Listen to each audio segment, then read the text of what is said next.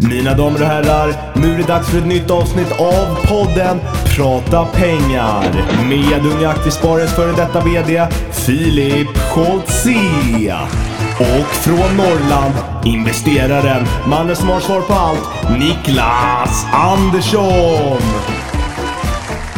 Alltid under hashtaggen Prata pengar på Twitter. Då säger vi äntligen måndag och varmt välkomna till podden Prata pengar. Det är avsnitt 97 Niklas. Ja, och hade 97, hade det här varit årtal så hade vi varit precis året innan ovetande som både Rysslandskrisen och learn- long, long term capital management som gick i konkurs 98. Just det. Eh, hur har veckan varit Niklas? Är det så här, det är ju bara onsdag idag när vi spelar in för att vi har ju den här uh, Oskar Lindgren 88. Han ska ju vara ledig på dagar. Jaha, vad ska han göra? Nej, ingen aning, men han ska vara ledig till det. Och, eh, och eh, det är klart han ska vara ledig, han jobbar ju som en häst den här människan, jag bara skojar lite. Det är ju sån här eh, alla helgon och helg och, och han bor ju uppåt någonstans så att han kanske ska hem och hälsa på familj och så. Det vet man inte, kanske kolla hockey eller något sådär. Det kan man ju hoppas. Eh, men, men så då spelar vi in idag onsdag. Ja, och jag tycker det är lite jobbigt när det är kort vecka för jag har insett att det är ju halvdag på fredag och jag, Ja. vi har redan idag svårt att få veckan att gå ihop så att nu blir kort, veckan ännu kortare. Men, men eh, till hur min vecka har varit, jag var och träffade Garo eh, i, vad var det, måndags eller tisdags? Nej tisdags var det. Tisdags var det. Den här rapportfrukost. Det betyder lite- igår. Ja, precis. Intressant att träffa bolagen. Så vi brukar ha ju varit iväg på några luncher och på några frukostar och träffa, träffa bolag. Eh, vi träffade Fortnox, sen var det lite jobbigt med, med insider-härvan Ja, det var ju eh, Olof, dagen efter typ, eller två dagar efter. så ja, storägaren Olof Hallrup. Sen var det Garo, de Mm. togs emot lite jobbigt på rapportdagen men är ju upp ganska mycket i år. Så det, men det är kul, och, kul att vara på sådana träffar, man lär sig rätt mycket, det går mycket hand i hand med unga aktiesparare och de bolagsträffarna man brukar vara på, men nu är jag ju lite för gammal för det. Ja, det är du, inte jag. Så jag kan gå på båda. Men det är, det är verkligen som du säger, det är eh, kul att få att komma på och lyssna på de här och ofta det, när det är liksom lite mindre sammanhang så att man har möjlighet att ställa lite frågor och sådär. Eh, förra veckan så eh, pratade vi en hel del om fastighetsbolag och sen eh, hade vi fått in en fråga, jag tror att det var från Politico, som, hade, som undrade så här, hur det kan komma sig att ett bolag har högre vinst än vad de omsätter. Och vi tog upp den här frågan och sen, jag tror både du och jag var lite i nattmössan den morgonen, så att då eh, vi, vi gav nog inget bra svar på den och då fick vi ett svar sen då under hashtag prata pengar från Joakim Malmberg som skrev apropå prata pengar, så apropå avsnittet då, så har ju många fastighetsbolag högre vinst än omsättning på grund av värdeförändringar. Ping då, investeraren och Filip Scholtze. Eh, och eh, det är ju helt rätt. Jag vet inte vad vi dribblade bort oss där någonstans, men det här var ju, vi pratade ju, vi var ju, vi hade ju svaret i, i agendan och sen liksom landade vi inte där bara. Nej, men men det är ju helt rätt som Johan, Joakim säger. Ja, men vi tolkade nog inte frågan heller att det var i- utifrån fastighetsbolagen, sen var det lite komiskt att det var fastighetsbolag vi pratade Ja, men om det var- i, i avsnittet. För vi pratade om att man kanske kan sälja tillgångar eller någon, ja tillgångar täcker väl in det allra mesta. Eh, och som inte går på, på omsättning men då som ökar vinsten. Jag menar, Och det så- gör ju fastighetsbolagen.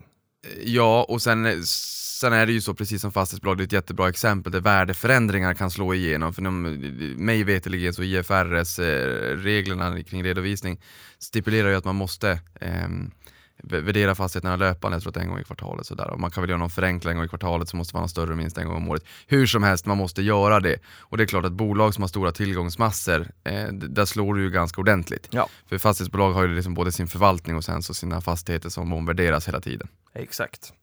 Och, eh, nej men, och, och jättekul och, eh, bara att ni är så aktiva och när ni lyssnar på någonting i podden att ni liksom skriver sen under hashtag prata pengar på Twitter för det, det är precis så vi lär varandra. Jag tyckte det var jättekul. Sen är det ju så då att det är första november idag Niklas, så det betyder att vi igår då eh, stängde oktober månad. Ja, och det insåg jag faktiskt igår, när jag satt hemma att just det, det är ju eh, sista oktober.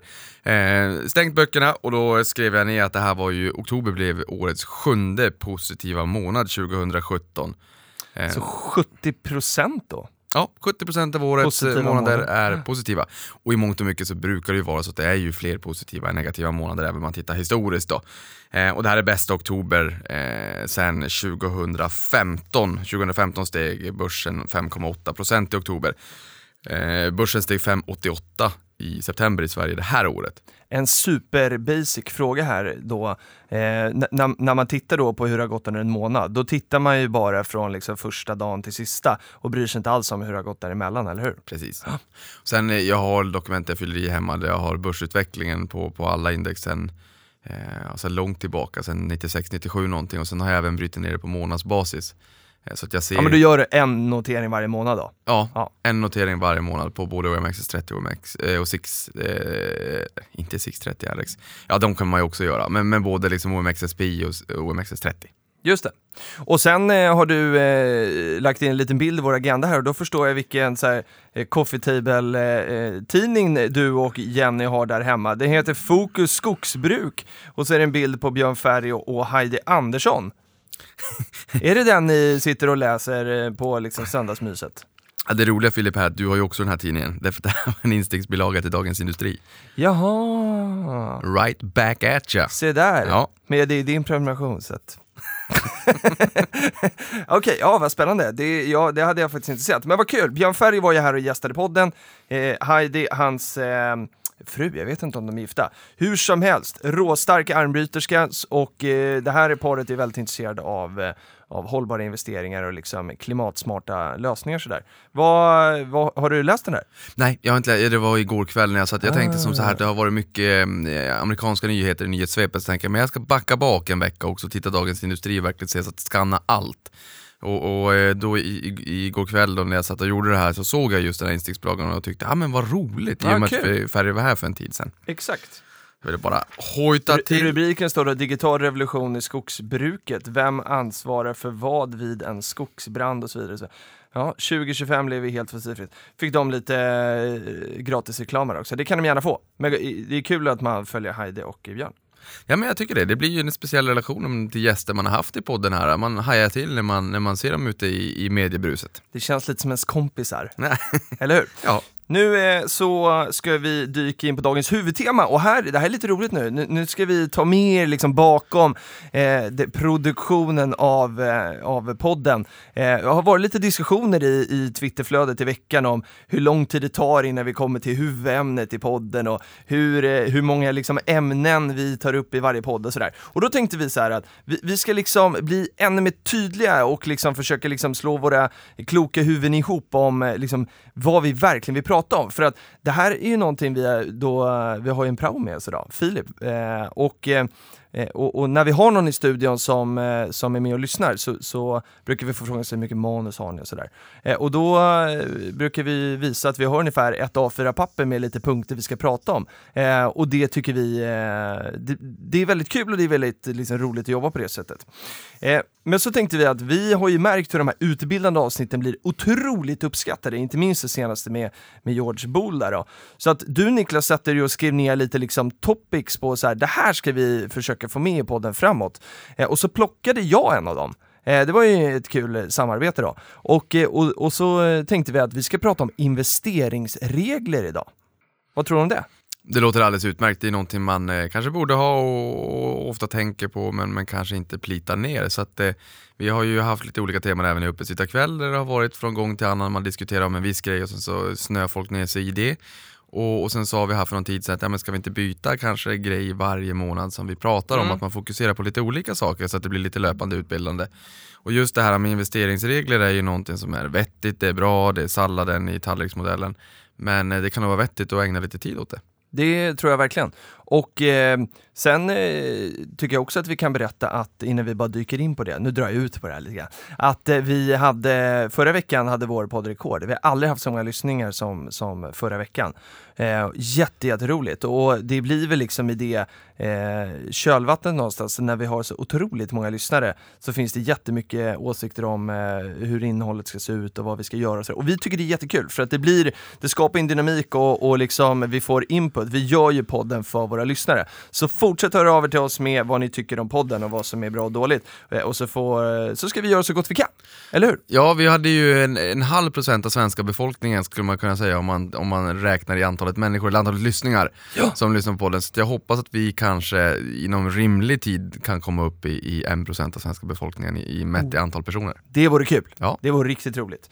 Hur som helst, nu dyker vi in på, du får ursäkta min utsvävning här Niklas, eh, nu dyker vi in på dagens ämne som är investeringsregler och eh, jag tänkte så här att eh, vi ska liksom angripa det här eh, från lite olika håll, men eh, som en introduktion Niklas, så här, varför, varför, så här, vad är investeringsregler och varför tycker du att man behöver ha sådana? Ja, men investeringsregler är väl något sätt, något ramverk att förhålla sig till som investerare, hur man ska tänka.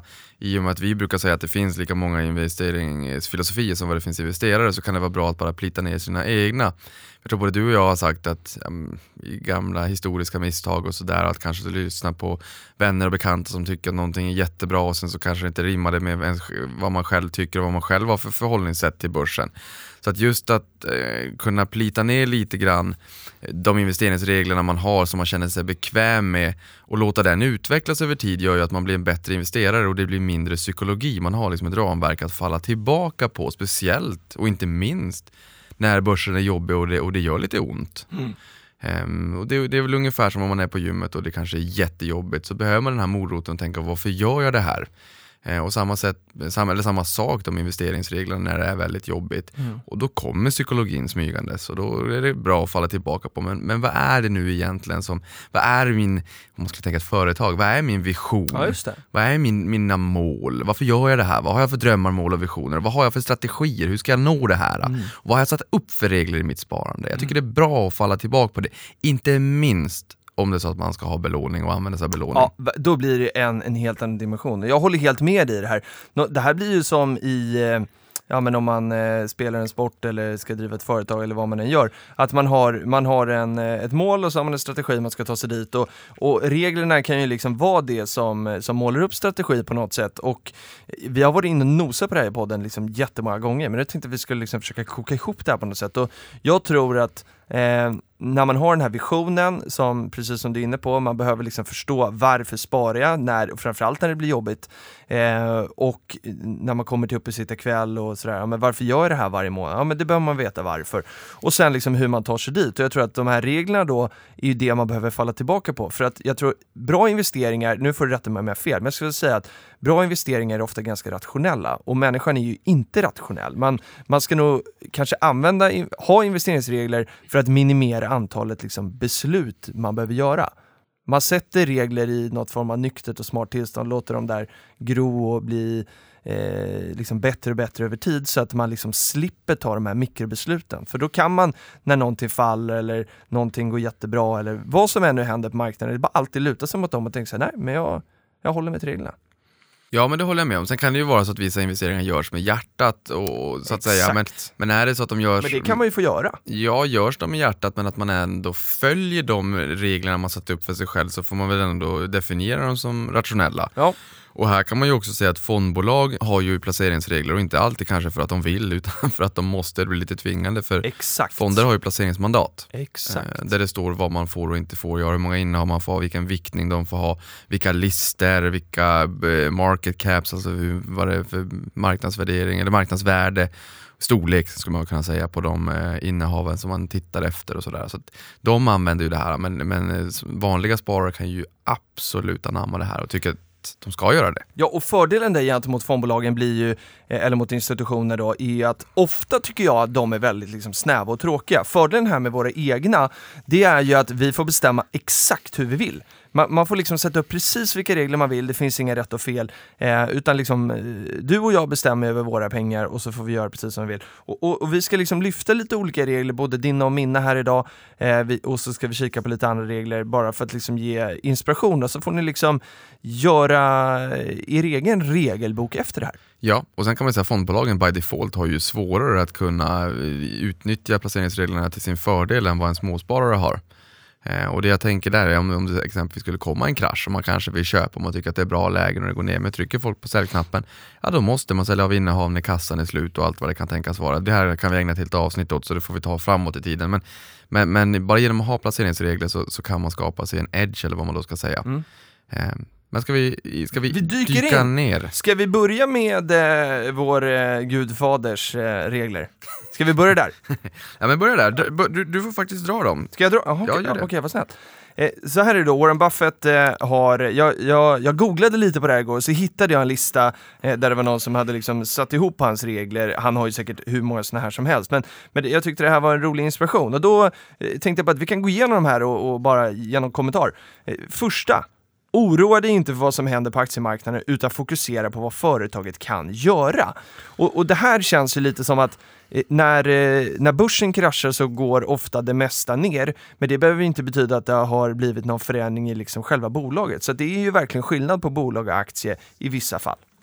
Ja, jag kan väl säga som så här att det är en del, jag har skrivit en, en egen eh, liten eh, miniagenda just med mina placeringsregler, eller miniagenda. Vi har ju varsin där vi har liksom tänkt till lite grann då, Mm. vi- vilka våra är, Just det. som vi kommer ta då efter just det här med Warren Buffetts eh, kloka tips och skicka med. Men i och med att vi nu är inne och tangerar på en som faktiskt ligger på min lista också så vill jag säga det här just med att inte oroa sig för vad som händer på aktiemarknaden. En aktie är ju derivat på en underliggande verksamhet skulle man kunna säga.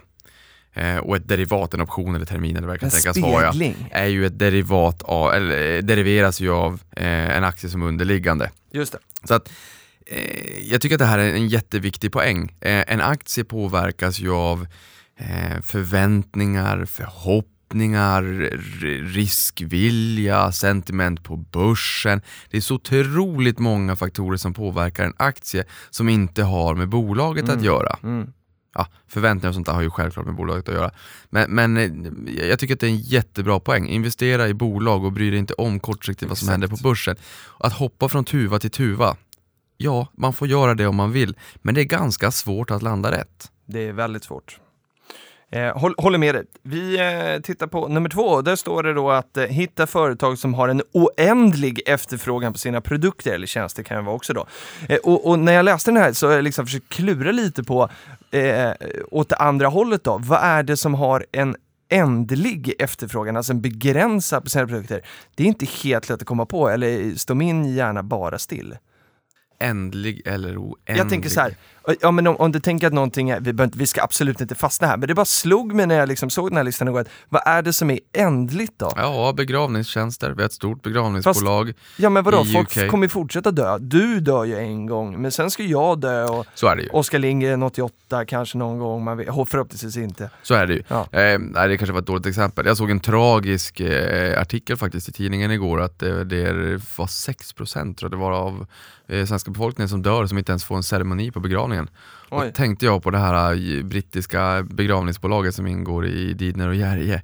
Eh, att inte ens det är, är framtidssäkrat om det inte är så att man har ceremonier och sådär. Nej men ändligt. Vi gör så här, vi, vi låter våra tittare, den här halva procent av Sveriges befolkning, skriv in det här så det pratar pengar på sånt som ni, för det här är ju en rolig övning då. Men- men- Vad men- finns det för ändliga? Eller o, för oändliga är mycket lättare. Ja men då kan man ju tänka som du säger med begravning och sådär, visst att om, om, efter att du och jag har dött så kommer många andra dö också, och så är det ju. Ja. Men vad, vad finns det för varor och tjänster som du och jag reitererar hela tiden och använder gång på gång på gång på gång? Eh, Netflix, våra telefonabonnemang, eh, ja, eh, Coca-Cola dricker väldigt många väldigt mycket. Ja men det det, jag, jag tyckte liksom det oändliga var ganska enkelt.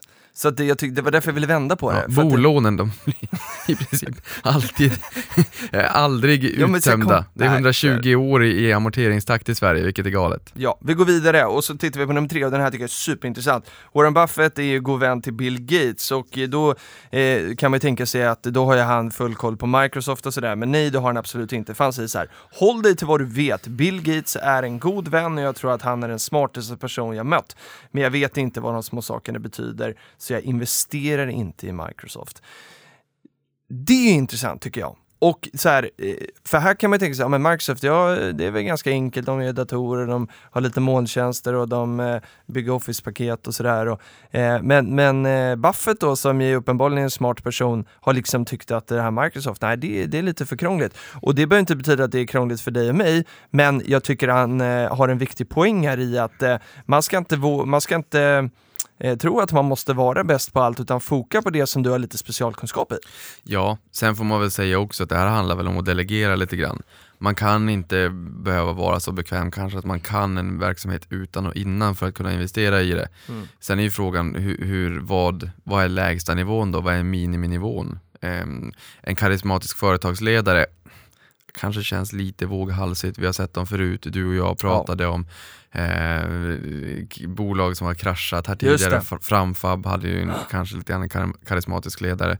Så jag, jag, vet inte, man, man, kanske inte behöver kunna en verksamhet till 100% för att våga investera i Han har också sagt att Viktig Jeff, poäng. Han har också sagt att Jeff Bezos på Amazon är förmodligen eh, den här planetens bästa företagsledare. Och där äger han inte heller några aktier. Nej. Um, det, det, är en svår fråga som, som är, är up for grabs för diskussion helt enkelt. Det är verkligen det och, eh, och vi har nästa där då som, den är egentligen samma, eh, där man ska då satsa på det man vet och liksom satsa inte på det okända. Och, och här någonstans så måste man ju också sätta sin egen gräns för vad betyder det att man ska veta vad det gör? Ja men det får man ju komma fram till själv då. Sen har vi då eh, en, en till då som heter köp inte aktier med en säljstrategi utan köp aktier för att behålla dem och det här är ju vad Warren Buffett säger då. Ehm, det är väl rimligt. Det här är, jag känner igen mig mycket där. Jag köper inte en aktie och tänker så här att ja, nu köper jag den här för att jag ska sälja den där borta. Och här finns det en miljon människor som tycker tvärt emot mig här.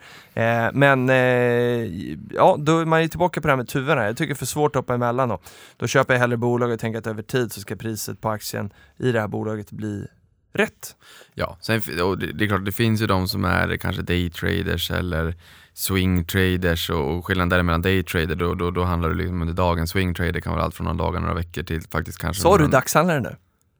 Nej. Nej, du sa daytrader. Nej, jag tänker du okay. tänker nog dagshandlare. jag Backa... tycker det låter så roligt. Ja, men det låter lite gulligt. Backar vi bak till 00 så var epitetet dagshandlare förekommer rätt många årsredovisningar. Det är, det är ju faktiskt bara en svensk översättning, det är inte svårare än så. Ja, det är inte svårare än så, Nej. men det, är ganska, det låter väldigt gulligt. Men, men eh, vi använder mycket svengelska i vår vardag idag i Sverige överlag så att säga. Eh, men så att daytrading under dagen och sen vid swingtrading och allt det kan väl vara kanske från som sagt då antingen kanske några dagar till några veckor till, till, till och med några månader eh, beroende på. Sen har vi ju även eh, turnaround cases. Och, och det här skulle man väl kunna säga att om man köper man en aktie med en säljstrategi, mm. i min bok så liknar man ju lite grann private equity-firmorna då.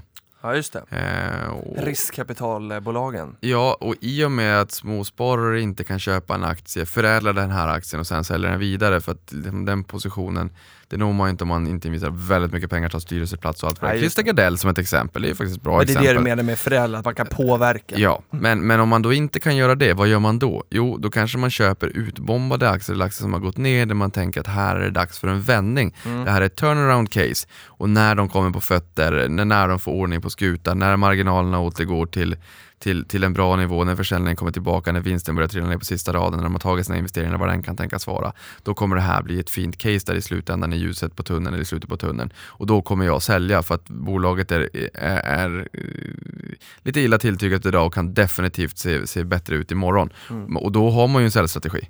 Ja det har man. Och det där går lite hand i hand med, med nästa regel som Buffett har då som är att man ska vara misstänksam då mot företag som skyltar med sina framtida inkomster och liksom en, en förväntad tillväxt då. Eh, men och här tycker jag att det är lite tudelat för att jag gillar ju det här visionära, jag tycker att det är mycket roligare att titta framåt än bakåt eller titta på vad vi är just nu.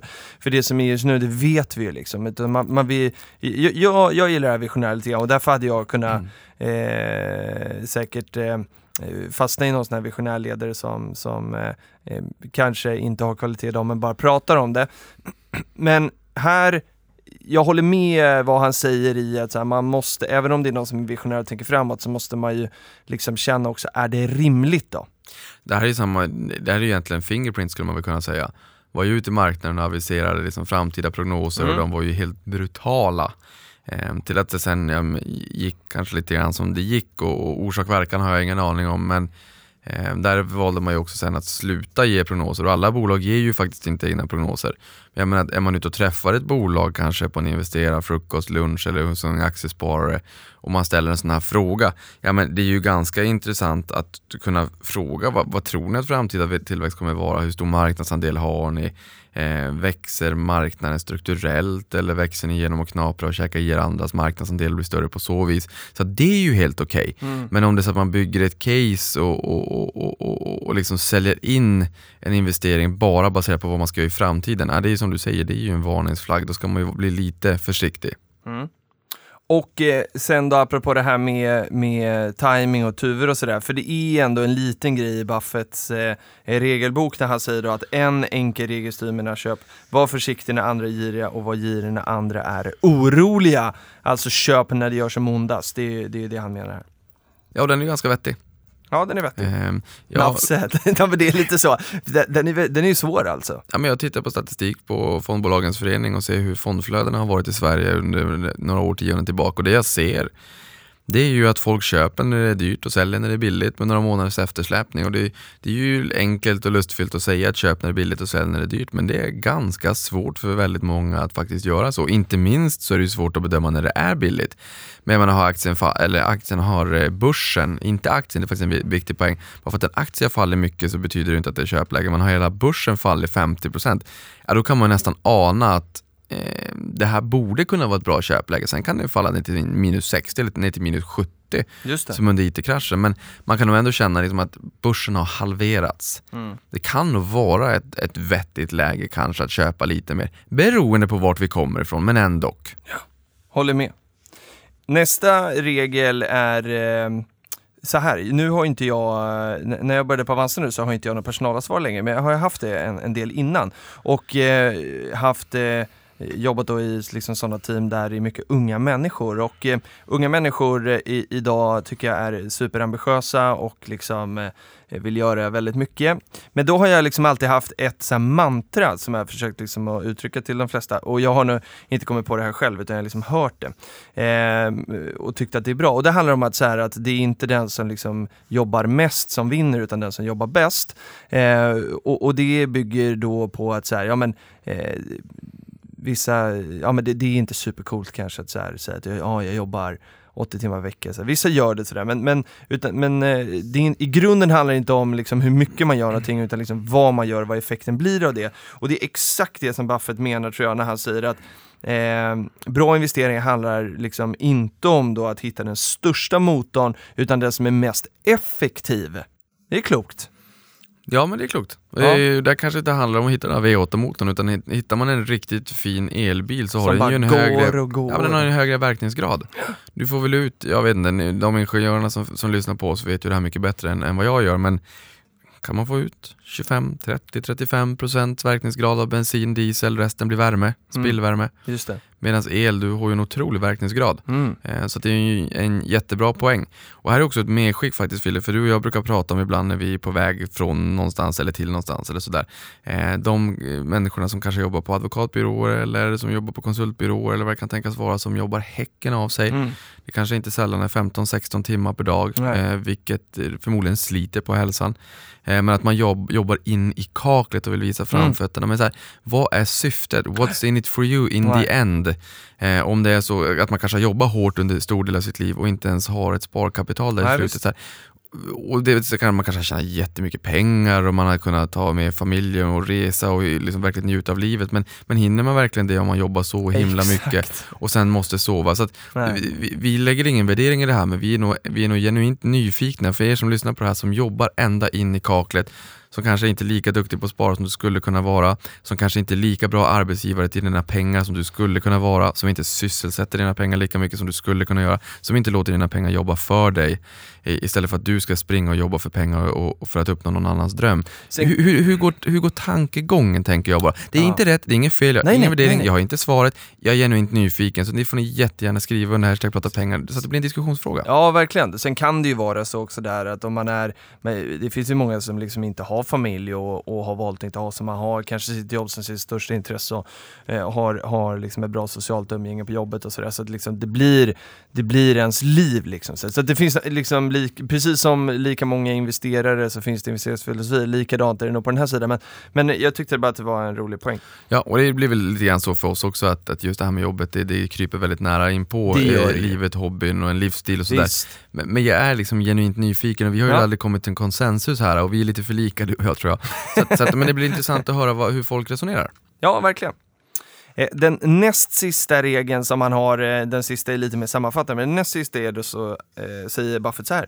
Tvinga dig själv att skriva ner varför du köper en aktie, och, för det kan hindra en då från att eh, fatta felaktiga beslut framåt. Och det här tycker jag är superintressant och det här är en sån grej som jag har eh, vetat i många år att det här är en bra grej och så har jag typ aldrig gjort det. Eh, vilket är väldigt korkat, för att nu hade jag ju Liksom, säg, säg då varje månadsspar sådär, eh, varje gång man köper en aktie eller säljer, att man bara skriver ner ett par rader varför. För tänk vad kul nu att gå tillbaka liksom så här 5-10 år och börja titta på hur fasen tänkte jag då? Så att liksom att man får se sin egen utveckling också, så så här, just det, där gjorde det och så då när man har i efterhand så har man ju facit då någonstans, hade jag rätt eller inte? Så. Tycker det här är en jättebra grej.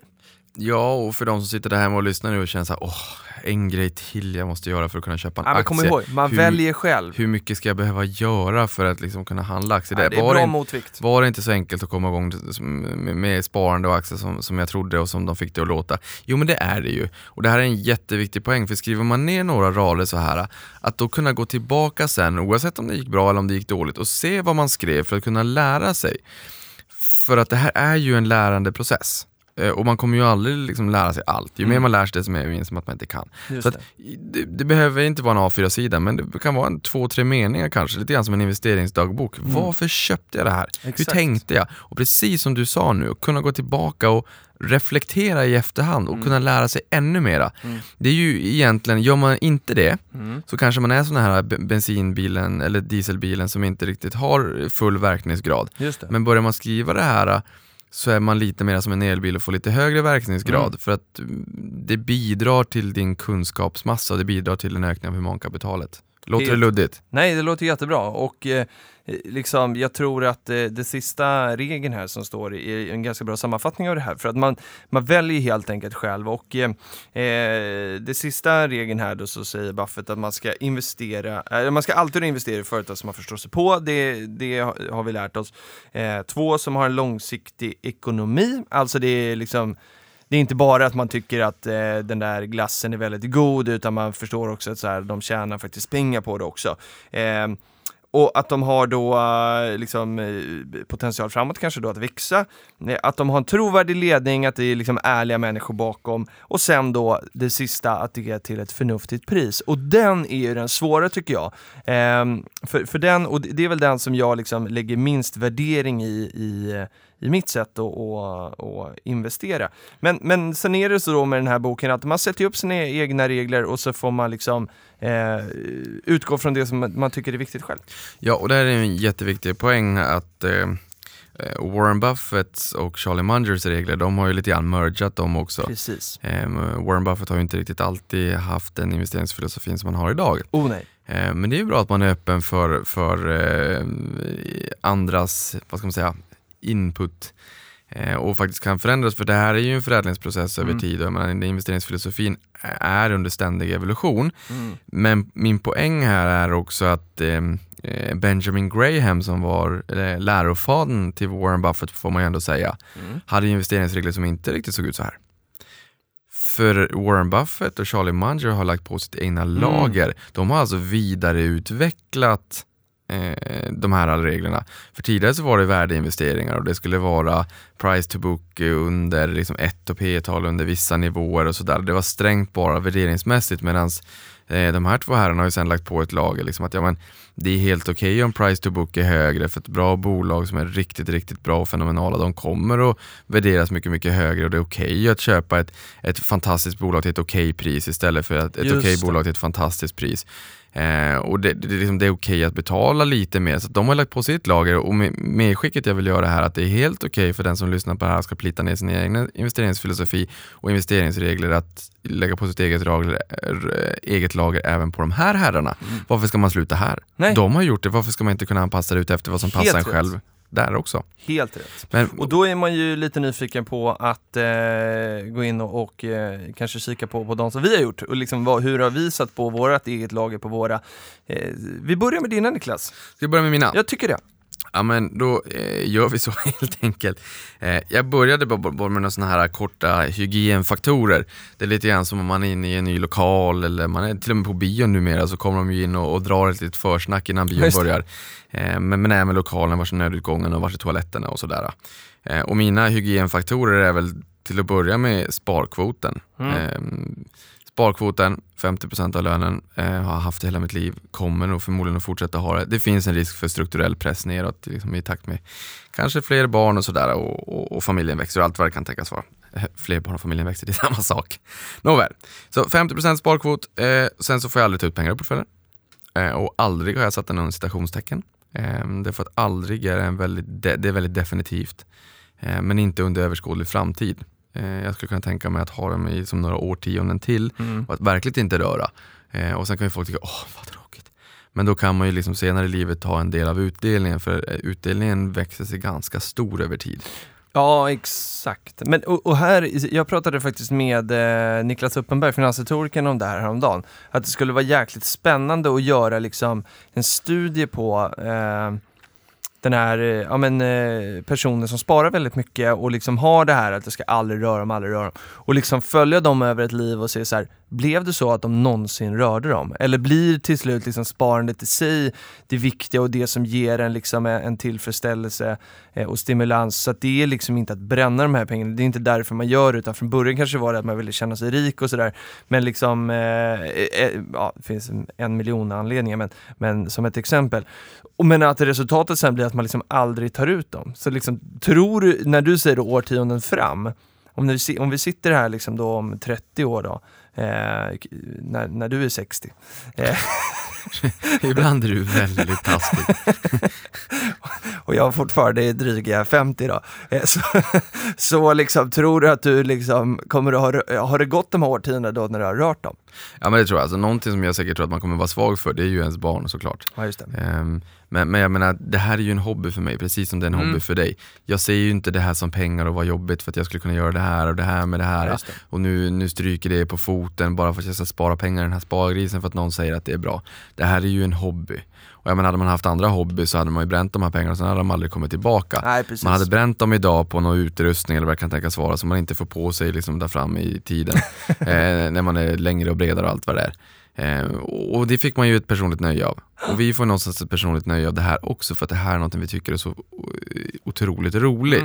Mm. Eh, men, men det är klart, pengarna ska man röra, livet är ju här för att levas ja. och ingen av oss vet ju egentligen hur lång tid... Det var inte meningen att fastna i filosofisk diskussion, nej, nej, men, det var intressant. Nej men ingen av oss vet ju hur lång tid vi får leva så någonstans nej. i framtida poddavsnitt så får vi väl säkert ha med oss någon sån här slösexpert. Ja, för hur man maximerar, nyttomaximerar, ja, men hur man nyttomaximerar livet. Och sen kan det också vara så att om man då har sparat väldigt mycket pengar och sen så vill köpa någonting, man kan köpa en, en, en eh, bostad, en större bostad eller en fritidsfastighet mm. eller någonting. I min värld är det lite grann som att byta, man, man byter bara skepnad på tillgångarna. Ja, men det var lite dit jag ville komma. Skulle du kunna tänka dig att liksom ta ut lite pengar för att skjuta in i en bostad eller skulle det liksom svida? Ja, det skulle nog svida för att eh, jag känner att liksom, den förväntade avkastningen på portfölj är mycket högre än vad den är på, på, i en fastighet. Framförallt är den synlig på ett annat sätt. Ja, sen kan man säga fastigheten, den, den är kanske i procentuella termer i slutändan har varit en bättre investering för många, men det är ju för att det är den största gearingen i, någonsin. Man är så du har en extrem belåningsgrad. Du liksom pyntar in 15% eget kapital och 85% lån. Det Exakt. blir en sjuhelsikes hävstång. Ja. Eh, så att, nej, men det, det, det, det, är en filosofisk fråga Filip. Sen eh, portföljens slantar är kapital. Min löpande ekonomi är pengar. Just det, viktig skillnad. Otroligt viktig skillnad, otroligt viktig psykologisk skillnad. Det är byggstenar och så här, går börsen ner, jag får inte ont i magen därför att börsen går ner, ja, men, men eh, de här, jag hade ändå inte sålt det här, jag hade ändå inte tagit ut pengarna, jag hade ändå inte åkt jorden runt för pengarna, det spelar liksom ingen roll. Men, finns, men, men där blir det snarare en fråga, är det bara ett bolag som går ner eller är det här börsen som går ner? Finns det någon annan häst som springer snabbare från Mm. nu och framåt? Men, men att liksom kunna ha den där distinkta eh, skillnaden mellan portföljen och den löpande ekonomin tror jag gör jättemycket. Ja. Eh, för man får inte ont i magen på samma sätt. Nej. Nåväl, vi f- springer framåt. Återinvestera alltid utdelningen, men behöver inte vara i samma bolag, det har vi varit in på lite tidigare, men alltid återinvestera utdelningen. Och det har jag ju alltid gjort, jag har ju alltid haft Avanza, jag har aldrig haft någon annan. Eh, gräs det är inte grönare på andra sidan i min värld i alla fall och det innebär ju att jag har, eh, jag ser ju vad det gör över tid. Eh, och jag tror vi pratade om igår, min tjej vill ha Det lite... där hade ju inget med Avanza att göra. Jo, Varför det? utdelningsgrafen.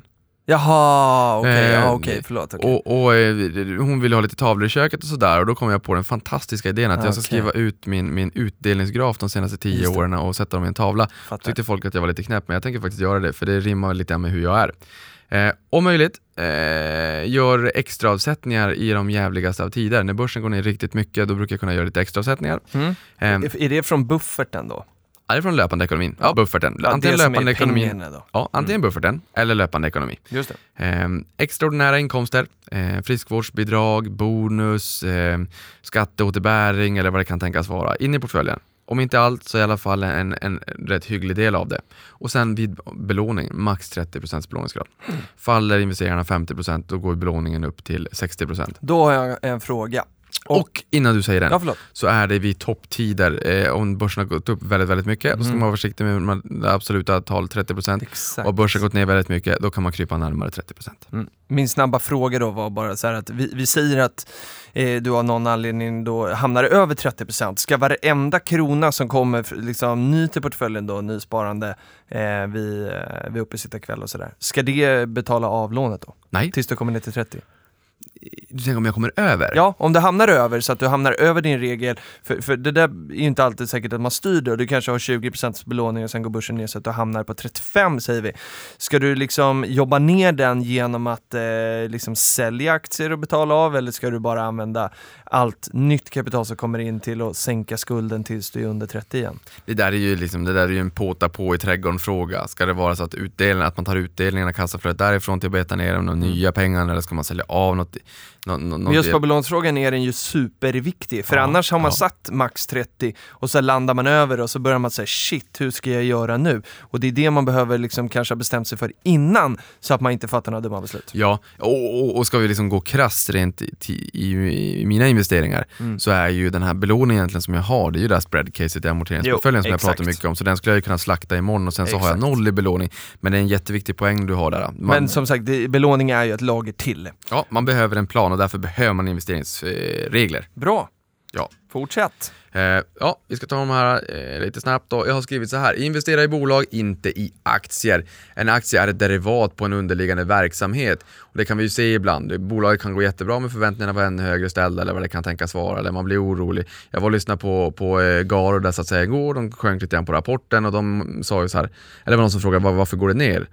Eh, Och kan det ha någonting att göra med liksom rädsla för bostadsmarknaden och sådär. Och då sa de att ja, ena dagen då, då är vi ett bostadsbolag eller expanderar Just mot bostadsmarknaden och andra dagen då är vi ett bolag med laddstolpar för elbilar och vi vet inte riktigt vad vi är men vi, vi tycker som inte vi landar i någonting av det här. Och det är väl lite grann samma sak, vi har sett en sell-off i fastighetsmarknaden också. Alla får stryka på foten alldeles oavsett vad, vad som ingår i Kinderägget. Så att, eh, just det här, det är rätt stor skillnad på, på ett bolag och en aktie, definitivt i det korta perspektivet. Eh, Jag köper aktier utan exitstrategi, buy and hold. Det gör mig mer resistent mot kortsiktig turbulens i en aktie. Och, eh, vill jag äga bolaget över tid, ja men då utnyttjar jag ju dippar och svagheter. Ju mer eh, confident jag är och, jag, varför, och ju, ju, ju större utsträckning jag vet varför jag äger ett bolag, Mm. desto mer confident och, och, och, mer acidofilus och bifilus i, i, i magkulturen eller tarmkulturen eller vad man säger, ja, då blir man ju resistent för Ja, nedgångar. visst. då tycker man så här, ja men jag vill äga det här, jag köper mer. Och sen förstå vad du köper, inte minst tydligt med Garo tänkte jag prata om där, men det exemplet drog jag ju redan. Eh, och vill jag ha någonting i portföljen, toe dipping. Jag köper gärna eh, ett litet innehav i en aktie och sen så skalar jag upp det över tid för jag vill ha den i portföljen, för jag vill kunna se den. För att har man den i någon annanstans eller bara på en bevakningslista så tycker jag inte att man ser den lika mycket.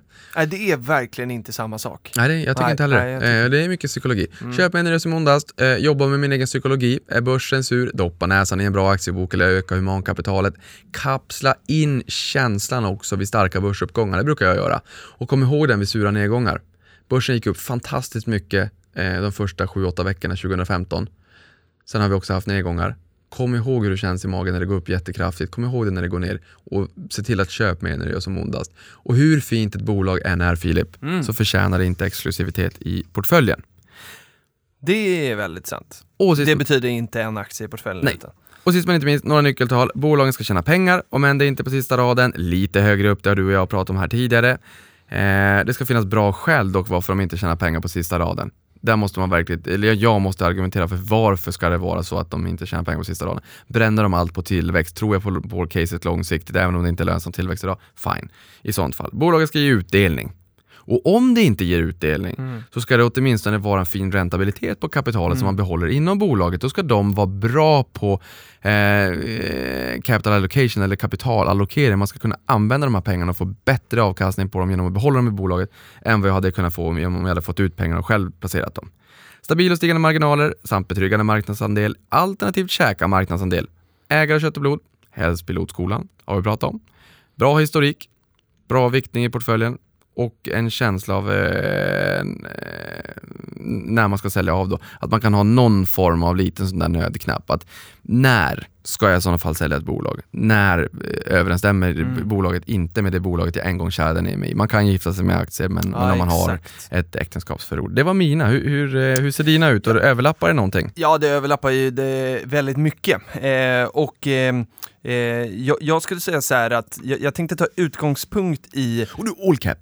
Alla, alla storlekar på bolagen får jag ha Ah, Just det. också. Ja, just det. Alla, alla storlekar på bolagen. Det ska vara fina bolag men jag bryr mig inte riktigt om storlek. Nej, bra.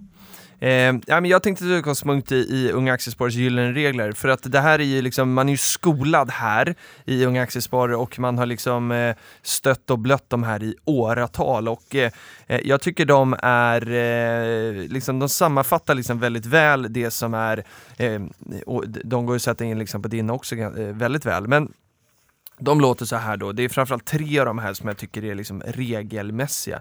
Eh, den första då är spara långsiktigt och den här är ju så här, ja men det här målet som vi pratade om förut, liksom, ja, men hur, vad, varför sparar jag? Liksom, vad har man för mål? Och där jag har liksom satt upp ett mål i mitt sparande som är eh, att, att jag ska kunna ha ekonomisk frihet. Eh, så att jag ska liksom kunna leva på portföljen i sig eh, och inte liksom behöva gå till ett jobb för att liksom få, få lön.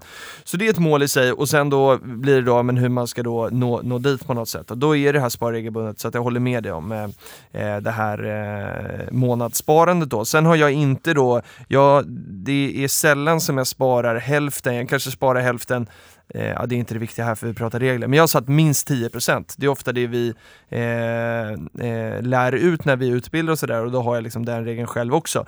Och så liksom de här månaderna då som jag ligger på 20-30, ibland liksom lite till, så ser jag det som riktiga plus bra månader. Jo men, det, regeln det, säger jo, 10. jo men det är ändå en regel. Ja, det är jag, jag tycker det ingår i investeringsfilosofin, inte bara dels ett mandat för hur du ska investera dina placeringar, dina investeringar som du har i dagsläget, men även det här med som en katalysator med vil- hur mycket Exakt. pengar som ska in i portföljen, hur man ska spara, om det kommer extra inkomster och så. Jag tycker absolut Mm. att det är en del eh, luddigt, mjuk faktor i ingressen, men fortfarande en del av, av Mm. mm. placeringsregler. Jag tycker det. Ja, bra, jag håller med dig.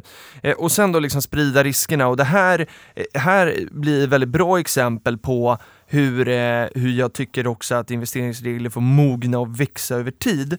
Eh, därför att liksom jag har haft eh, någon idé om att, att eh, ja, men jag kanske ska ha ett visst antal, att jag ska hitta det här optimala antalet aktier som passar mig så att jag kan följa dem och hålla koll och sådär. Men sen tycker jag ju liksom det är för roligt att köpa nya och, och eh, köpa fler och man lär känna något bolag och liksom så tycker man att ja, men, man vill doppa tån lite grann och hänga med en stund och se sådär. Och då har jag bestämt mig för att det är inte fel. Så att egentligen det som George, eh, George Bull sa när han var här att så här, ja, det spelar ingen roll om man har 10, 20, 30 eller 40 eller 100 liksom, utan hittar man ett bra bolag och vill äga det så köp det i så fall. Eh, och då satte han lite ord på det som jag faktiskt kanske liksom har sökt efter. Så att jag eh, tackar George för det, jag tyckte det var väldigt bra. Eh, Sen då eh, har ju Unga Aktiespar också håll dig informerad och förstå vad du köper. Och ja, ja, det är väl också regler. Jag satte dem inom parentes inför här, men, men, men det är klart att det är regler också. Eh, och, och faktiskt, ska man sammanfatta det, både det vi har pratat om här nu eh, i den här podden, så är det väldigt mycket mjuka faktorer. Det är väldigt lite Eh, liksom det ska ha eh, direktavkastning mellan det och det talet, P tal mellan det och det och sådär. Det blir väldigt mycket mjukt och det tycker jag är eh, som motvikt då på det här att det, det, det, ska inte vara så svårt att köpa aktier. De mjuka värdena är ofta enklare än de hårda, eh, så tröskeln är inte så stor. Eh, sen då eh, pilotskolan, jag är ju stenhård på den, men då måste jag ändå säga men då, för att det är ju bara på de svenska. På de utländska aktierna, eh, så ja, det finns pilotskola för att mycket, många i management eh, i, i utländska amerikanska bolag äger ofta väldigt mycket aktier, men går man in och tittar på vilka de största ägarna i amerikanska bolag så är det ju nästan bara institutioner. Du hittar liksom inget Erik Selin som äger 40% av ett bolag. Det, jag har inte hittat det i alla fall. Eh, vinsten håller med dig, också ett så bra exempel på eh, där en eh, regel får mogna.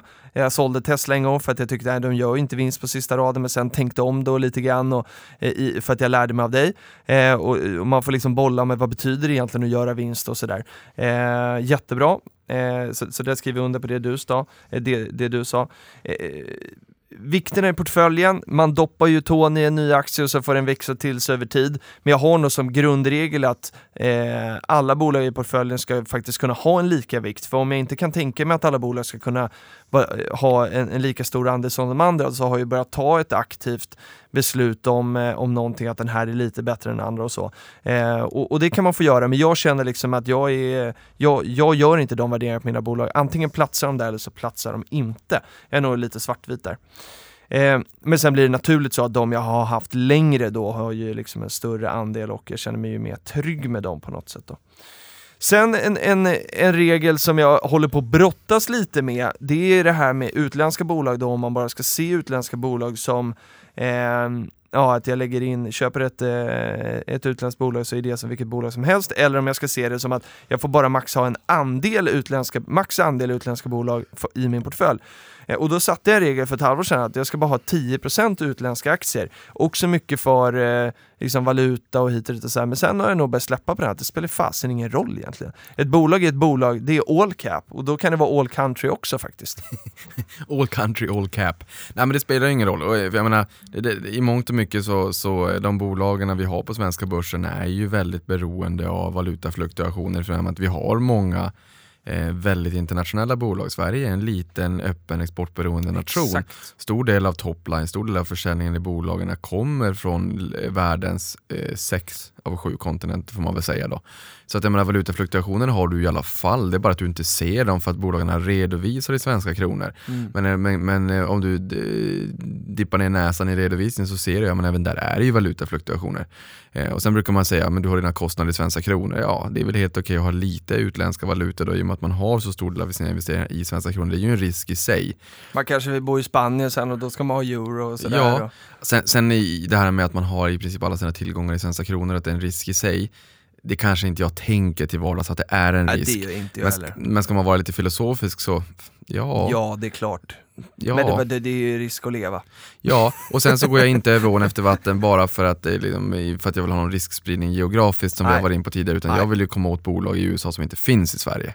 Helt rätt, jag håller helt med dig där. Och innan vi ska gå in på nyhetssvepet här nu så tänker jag att, eh, men bara för att sammanfatta det vi har pratat om lite här nu, så medskicket är så här att gör en övning och sätt ihop lite investeringsregler, försök få eh, liksom, gå och fundera men bestäm dig inte, eller så här, min erfarenhet säger så här att eh, du behöver inte tänka och ha någon press på dig själv att det du ska komma på nu ska det alltid hålla, utan de får mogna över tid och eh, eh, de får utvecklas också. Därför att du sa till mig igår Niklas att eh, du kan egentligen bara skriva ner en sak och det är ingen regel utan undantag, för undantag kommer hända. Så ska man försöka minimera de här undantagen tror jag, för att när man sitter i en situation där man liksom inte kan se på någonting kanske på ett nyktert sätt, om börsen har gått ner jättemycket eller gått upp jättemycket mycket så, eh, så, så, kanske man fattar beslut annorlunda än vad man hade gjort när man har lite distans till det. Eh, men men eh, det här är bara en övning och liksom gör det som, som känns bäst i er mage och försök inte tänka så att nu hade Niklas och Filip den här regeln i sin, då måste jag ha samma. Abso, absolut inte. Gör, gör, eh, hittade ni något av det vi sa som ni tyckte, det där passar mig, ta det då, men lämna resten och gör er, er egna, för då blir det bäst tror jag. Mm. Ja men jag håller med. Och sen precis som du var inne på också att bolagen kanske inte behöver ge vinst på sista raden men lite högre upp och du nämnde Tesla. Jag tycker att det är en jättebra eh, exemplifiering av det här. Eh, och det är samma sak med Amazon. Eh, jag pratade lite om Amazon förra gången. Jag skulle kunna prata om den här, det här seminariet på två timmar i, under tre timmar säkert. Men det funkar inte riktigt i det här formatet. Jag vet inte riktigt hur jag ska få ur med det men annars det är bra att jag har dig som bollplank Filip. Men det jag vill säga här är att Amazon hade ju förmodligen, jag tror verkligen jag tror de hade varit Sveriges största arbetsgivare. Okay. Och de hade, och de hade haft de hade även en, halv miljon anställda. Eh, och de tjänar så brutalt mycket pengar. Det är fler människor som har Amazon Prime och betalar liksom 100 dollar ja. om året än som inte har det. Och 64% av amerikanska hushåll. Det är helt fantastiskt. Jag mm. gjorde en poll igår också. Hur många kommer, kommer ja, ordna Amazon Prime eh, och köpa det när de kommer hit? 69% så absolut. 31% så mm. Jag svarade aldrig på det här för att jag, jag hade velat ha ett alternativ jag vet inte. Ja men precis, ja, men jag, jag var inne på att lägga tre, jag brukar lägga lite humor, så här, tredje humor Ibland är det bra med två. Mm. Eh, men, men jag tror så här, folk, jag märker ofta i flödena att folk säger att Nej, men jag kan inte köpa dem för de tjänar inte pengar. De tjänar så brutalt mycket pengar så det är löjligt. Men, mm. men väljer man att liksom växa för att man vill ha ett ännu större bolag imorgon så är det ett medvetet beslut. Men ja. man kan egentligen om man vaknar upp mitt upp i natten och, och så bara Eureka moment, nu ska vi tjäna pengar, nu ska det vara lönsamt. Så ställer man om det till imorgon. Visst. Man har den viktigaste råvaran, man har intäkterna. Det är många sådana här bolag, det är många bolag där man, där man liksom måste tänka lite så här. Ja. om det är så att man vill, ja. om det passar ens egna regler. Visst. Men nu är nyhetssvepet. Men Innan det, jag har bara några nyckeltal som jag vill säga. Det första jag egentligen tittar på ett bolag, det är roet. Mm. Det är egentligen snabbare än P talet Och vi har haft en diskussion, du och jag, om P tal också. Det ger ju en ögonblicksbild. Men man kan inte veta vad som händer i ett bolag för två, tre år framåt. Sen så gör man ett värdeskapande förvärv eller så händer någonting annat och sen så ser spelplanen helt annorlunda ut. Så att roet, eh, räntabilitet på egna kapitalet, tittar jag jättemycket på. Eh, Roa, det får vi titta på nu efter att George Bull har varit här. Jag brukar titta på det, jag tycker att det är lite hålltätt bakåt och roet är full fart framåt. Men de två är en balans sinsemellan. Price to book. Mm. Price to book, om den är hög, om man betalar mycket per bokförd krona idag, det tar emot lite grann, det är lite jobbigt, men har man ett jättehögt ROE så spelar det ingen roll att eh, price to book är hög idag, för du köper vid kanske ett tillfälle och sen så kommer du ha ett högt ROE under mm, årtionden om de lyckas hålla i det här och då blir resultatet förmodligen fantastiskt bra. Nåväl, nu så. Mm. Eh, regeringen har lagt fram förslag om höjd fordonsskatt bland, för bland annat tyngre dieselfordon och det här är något som drastiskt eller riskerar drastiskt att höja skatten för husbilar. Och förslaget rör nya husbilar som registreras efter 1 juli 2018, så lite grann som amorteringskravet kan man ju fundera på om det blir en förköpseffekt av det här då. Vi får väl se. Men skatten ligger idag på sig runt 6 till 7 000 kronor och det här förväntas hamna kring 15 till 22 000 kronor. Det är en enorm fördyring. Eh, och KB är ju en stor aktör.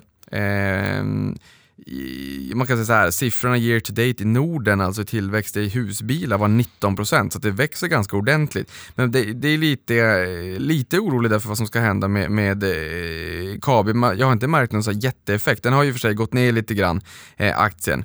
Eh, och de har precis investerat 50 miljoner kronor för att kunna fördubbla sin produktionskapacitet och de har en stor Sverige-exponering. Här hade jag varit eh, lite försiktig i alla fall. Jag tycker att det här förslaget om höjda fordonsskatten inte riktigt har fått den det, det, det, det, det attention det förtjänar. Eh, sen har vi norska finans och försäkringskoncernen Storebrand som köper upp det välrenommerade fondbolaget Skagen Fonder för 1,6 miljarder NOK. Och där har vi aktiehippen Kristoffer Stensrud som har slagit, och det är ju liksom det epitet han har fått. Och det ja, verkligen. Eh, och det var en av de första fonderna jag köpte, hans Kontiki va? Ja, mm. eh, och jag menar, liksom, han har varit jätteduktig och pratat mycket om, om var tidig i Samsung och sådär. Och de här fonderna har slagit index i 18 år, men när tillväxtmarknaden tappade fart 2012 så gick det lite grann utför.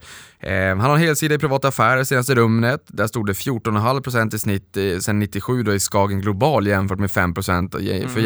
Jämförelseindex. Det är ju snyggt. De hade även en halvsida i Dagens Industri såg jag nu senaste dagen, för de gör jättemycket reklam för Skagen trots att Storebrand har köpt det. Men det kanske... Storebrand och SPP är ju samma också. Ja, mm. eh, precis. Eh, och då får man väl säga så här, de kanske kommer att ha kvar det här brandet för annars förstår jag inte varför man skulle göra massa reklam för det. Nej, eller är det Storebrand äger SPP kanske? Ja, strunt Ja, ja, ja precis, de äger mm. SPP. Mm. Nordea drar ner på personalstyrkan med 6000 personer, men VD Kasper von Koskull säger att det inte är en nedskärning, eller inte ska ses som en nedskärning. Det är 4000 anställda, alltså 13 procent av personalstyrkan och 2000 konsulter. Förklaring? Digitalisering. Eh, sen har vi Fort Knox som vi var och träffade här du och jag på en lunch, eh, en inviterad lunch som vi fick vara med på här för en tid sedan. Eh, det lät bra, vi hade lite diskussioner sinsemellan du och jag där efteråt. Eh, största ägaren Olof Hallrup, han var den drivande kraften bakom det misslyckade budet från Visma i fjol. Eller han, var, han ville ju verkligen inte att det där budet skulle gå igenom och det gjorde det inte heller, de släppte det. Nu begärs han ju häktad, det tror jag sa förra gången, misstänkt för grovt insiderbrott. Nu här har styrelsen i dagarna också eh, sagt att de ser allvarligt på det, ja vad ska man annars säga? Eh, och man uppmanar Olof att lämna sin plats till förfogande i styrelsen. Men de kan ju inte riktigt peta honom utan det här är ju ett eh, beslut för, för en, en stämma eller en extra stämma. Det är Digital släpper en ny podd, eh, Startup Stories, som ska, ingå på, eh, som ska gå på djupet med techprofiler såsom iSettles grundare Jakob De Geer och Fredrik Wester på Paradox. Eh, lyssningstips, jag vet inte om den har kommit än men den verkar spännande i alla fall. Du som är duktig på efternamn, jag tror att det är De Geer. Ja, jag kände det när jag sa det där. Jag hade ingen aning om det var rätt eller inte. Då kan vi säga, som vi brukar säga, Didner och Järje och Precis. eh, Gustav Douglas. Eh, Ja, det finns många sådana där. Eh, rättegången i Norge mot Hexagons VD Ola Rolén är i full gång. Bitvis hetsk stämning kan man ju säga. Eh, och, och däremot så rapporterade Hexagon en bra Q3 nu här i dagarna och aktien är upp 45% sen bottennoteringen den 9 november 2016. Där var jag och harvade. Jag sa ju senast uppe när det är som jävligast när det är nere i skiten, då ska jag där och bada i skiten och handla. Och det gjorde jag. Och det har ju varit en fin investering sedan dess. Det finns jättemånga sådana här exempel. Ehm, sen vet man inte, det kunde gå åt andra hållet också. Men aktien var ner 21% på vdn och en vd kan vara värd mycket men det var en ganska stor nedgång. Amazons egna varumärken blir allt mer populära på bekostnad av traditionella högprofilerade varumärken visar en granskning av senaste delårsrapporten där folk säger så här, men kan verkligen de vara så, så snälla? Är det inte bara så att de bara vill döda all konkurrens och sen så drastiskt höja priserna? Nej, jag tror inte det. Men när röstassistenterna blir mer populära, man beställer ett batteri, man får inte 20 förslag, man får ett, det är white label eller egna varumärken. Det är ett sätt för dem att kunna rampa upp eh, lönsamheten ganska ordentligt. Och det är ju en diskussionsfråga huruvida det är snällt eller inte. Men mot kunden så blir ju slutprodukten blir ju ändå så här, jag får mina batterier till ett bra pris. Ja. Eh, det är lite grann som Garant och Ica Basic och allt vad det kan tänkas vara, egna märkesvaror. Netflix lägger ner sin populära originalserie House of Cards efter nästa säsong. Det är efter att anklagelser att Kevin Spacey har gjort sexuella närmanden mot den 14, då 14-åriga skådespelaren Anthony Rapp 1986. Har de verkligen lagt ner den? Eller var det inte bara att man Eh, pausar inspelningen? eh, Nej, man säger det här nu Okej. senast att man ska lägga ner den Okej. efter eh, nästa säsong. Ja. Sen om det blir så, jag vet inte. Eh, det får vi helt enkelt se. Den har ju varit väldigt populär, så det här måste ju vara en, en, eh, ett tråkigt beslut för, för Netflix. Men eh. för jävligt att höra om såna här grejer. Ja, det har ju varit verkligen på tapeten den senaste tiden. Det, har ju varit, det är ju mycket, mycket vanligare än vad jag tror att många hade kunnat tänka. Bedrövligt. Yes. iPhone-försäljningen steg med 40% i kvartalet i Kina, det är efter 18 månader med sjunkande volym. Total marknad sjönk med minus 5% så de knapna, knaprar väl marknadsandelar också då. Och leveransproblem för iPhone X är lösta och förhandsbeställningarna globalt är inom citationstecken off the charts. Jag fick lite inside här från eh, Telia också, eller inside. En term som jag använder, det är absolut ingen inside. Eh, men, men att förhandsbeställningarna var slut på fem minuter. Eh, så ett otroligt tryck. Och sist men inte minst, det står inte här, jag tänkte ta upp det under podden, jag gjorde det inte, vi kanske får ta det nästa gång. Men ett av de finaste dryckesbolagen eh, globalt, Constellation Brands, äger bland annat Corona, har nu köpt 10% av Canopy Growth eh, Corp, eh, Weed eller vad man då säger, Mariana. Jaha, Mariana okej. narkotika. Eh, jag ska inte lägga någon värdering, varken bu eller bä. Jag använder inte produkten eller Mariana själv. Det är inte min grej, men eh, jag har bara tänkt så här, en filosofisk fråga hur vi ställer oss och vad du tycker om ett bolag eh, som är drycker och allting som går in på att göra Mariana-drycker. Men Tänk det, att vi kan väl ha ett eh, tema etik i någon podd? Ja, Ja. eh, det finns väldigt många åsikter där ute, Det definitivt det. om den här frågan. Ja men det kan vi göra, vi skriver upp det. Tack för nyhetssvepet och eh, tack för eh, den här eh, måndagen, jag höll på att säga den här veckan, men det här kommer ut i början. Strunt samma. Ha en fantastisk vecka, nu ska vi eh, springa till kontoret med vår praktikant Filip. Eh, jättekul att han är med oss idag. Eh, och eh, så ska vi lära honom allt vi kan och han oss allt han kan och sådär. Tack till Oskar Lindgren, 88 in och följ på Twitter. Vi hörs, ha det gott, hej!